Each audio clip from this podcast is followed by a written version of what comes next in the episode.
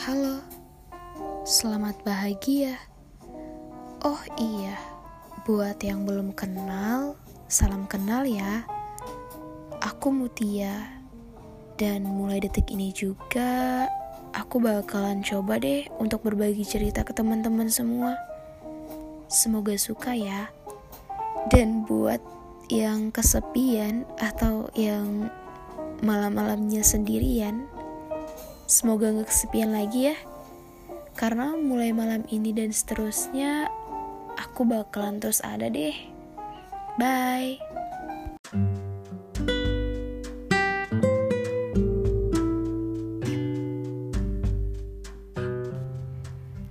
Hai, kembali lagi bersama Mutia di sini.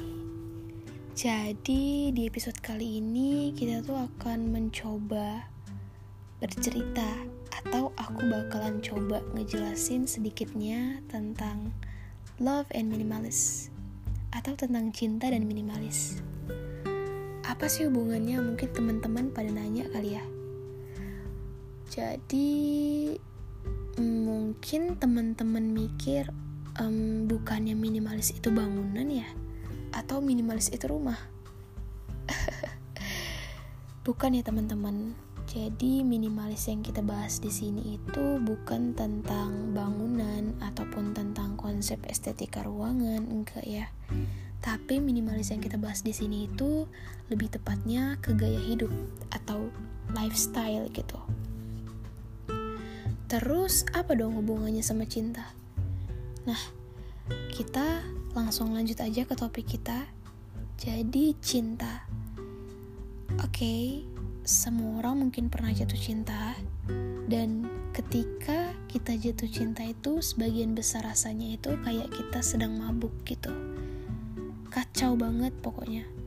Bahkan ada studi yang menunjukkan kalau kita lagi jatuh cinta rasain rasanya itu sama kayak kita lagi ngefly gitu. Dan hormon badan kita itu nggak seimbang. Kacau balau ke mana-mana kita ngerasain cinta dan kita ngerasain sayang sama dia atau mungkin kita tuh serius sama dia. Tapi pada saat yang bersamaan kita itu penuh dengan kecemasan. Takut. Takut mungkin dia punya gebetan lain atau takut ternyata dia itu nggak setertarik itu sama kita. Takut dia mau PHP dan masih banyak banget ketakutan yang lainnya Nah, di sini aku bakal ngejelasin sedikit tentang proses biokimia cinta itu sendiri ya. Tapi mungkin teman-teman juga udah banyak yang tahu, jadi aku bakal ngejelasin sedikitnya aja.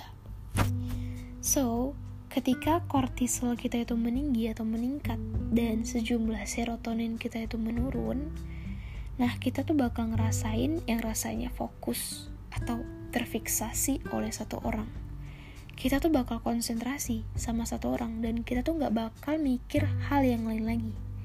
Akibatnya apa? Akibatnya pekerjaan kita berantakan, studi kita berantakan, tanggung jawab kita lalaikan. So, ini menjadi very big change menurut aku. Dan ini tuh yang bikin kita kacau sebenarnya. Kacau banget. Kenapa? Karena otak kita ya sedang mabuk gitu. Ini menjadi alasan yang kuat kenapa di awal-awal kita jatuh cinta, kita melakukan beberapa hal yang tidak terduga. Kayak kita selalu mengiyakan apa mau dia, kita memberikan apa yang kita punya untuk dia. Tiap hari chattingan sama dia, kita tuh selalu mengalah sama dia dan bahkan kita itu menghabiskan uang dan waktu waktu yang banyak banget untuk dia. Ini tuh bisa dikatakan sebagai hal yang buruk ya teman-teman. Dan ini gunanya hidup minimalis atau gaya hidup yang minimalis gitu. Dan ketika mabuk cinta ini menyerang, kita itu terkadang perlu menerapkan sisi minimalis ini sendiri. Karena ini berguna sekali. Uh, ini tuh bisa mencegah hal yang tidak diinginkan. Nah, mindset ini atau pola pikir ini yang menjadi acuan agar kita itu tidak terlalu mabuk pada cinta atau tidak terlalu bucin intinya. Nah, begitu. Jadi, gaya hidup yang minimalis ini juga tidak hanya sekedar membereskan kekacauan yang terjadi di kehidupan kita, tetapi lebih daripada itu. Dan gaya hidup yang minimalis ini juga memberikan implikasi ya pada yang sudah menerapkannya. Contohnya seperti yang aku bilang tadi, saat kita itu sedang dimabuk cinta, kita melakukan hal yang tidak terduga ya kan. Nah, seperti mungkin aja kita banyak banget invest atau invest kita sebanyak-banyaknya kepada dia. Dan hal ini buruk ya, karena kita hanya membuang-buang waktu atau membuang-buang uang untuk orang yang belum tentu menjadi pasangan kita, menjadi orang yang menemani kita dari awal hingga akhir hayat gitu. Kenapa waktu dan uangnya nggak kita pergunakan aja seminimalis mungkin buat hasil yang maksimal? Oke, okay, ada contoh lain atau another example maybe.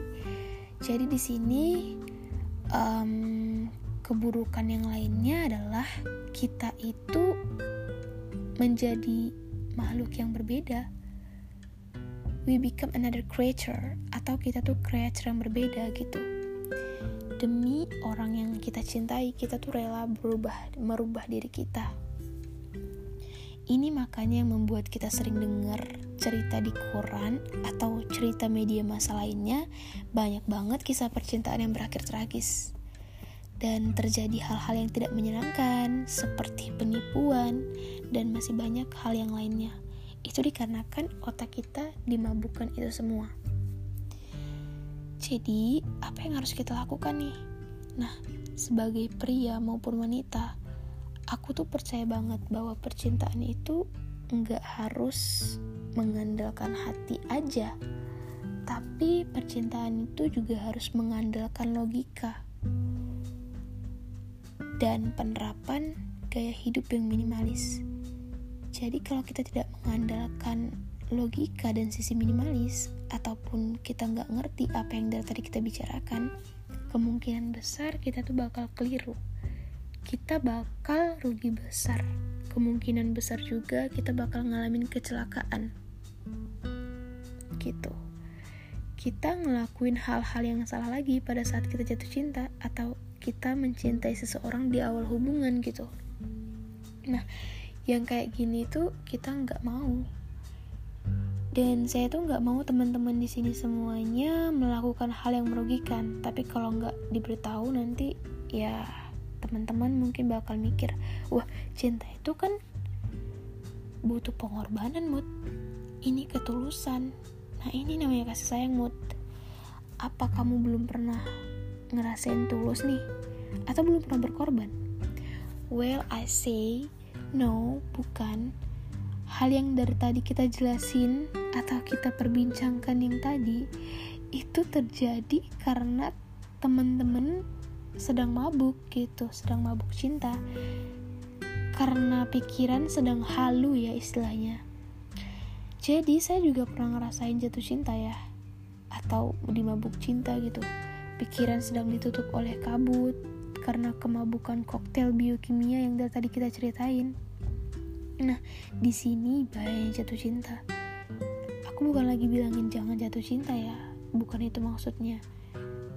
Tapi maksud aku di sini coba kita kenal lagi deh apa pun gelora yang ada di dalam tubuh kita.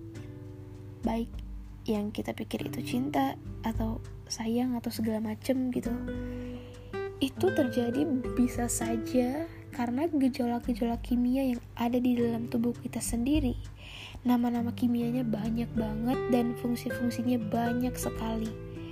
Dan aku cuma ngasih tahu beberapa supaya teman-teman aware gitu Bahkan bukan cinta lagi yang mengalir di dalam setiap pembuluh darah kita. Yang mengalir itu adalah kimia, chemicals. Makanya banyak orang yang bilang love is chemistry. Is actually chemistry itu sebenarnya ada di badan kita.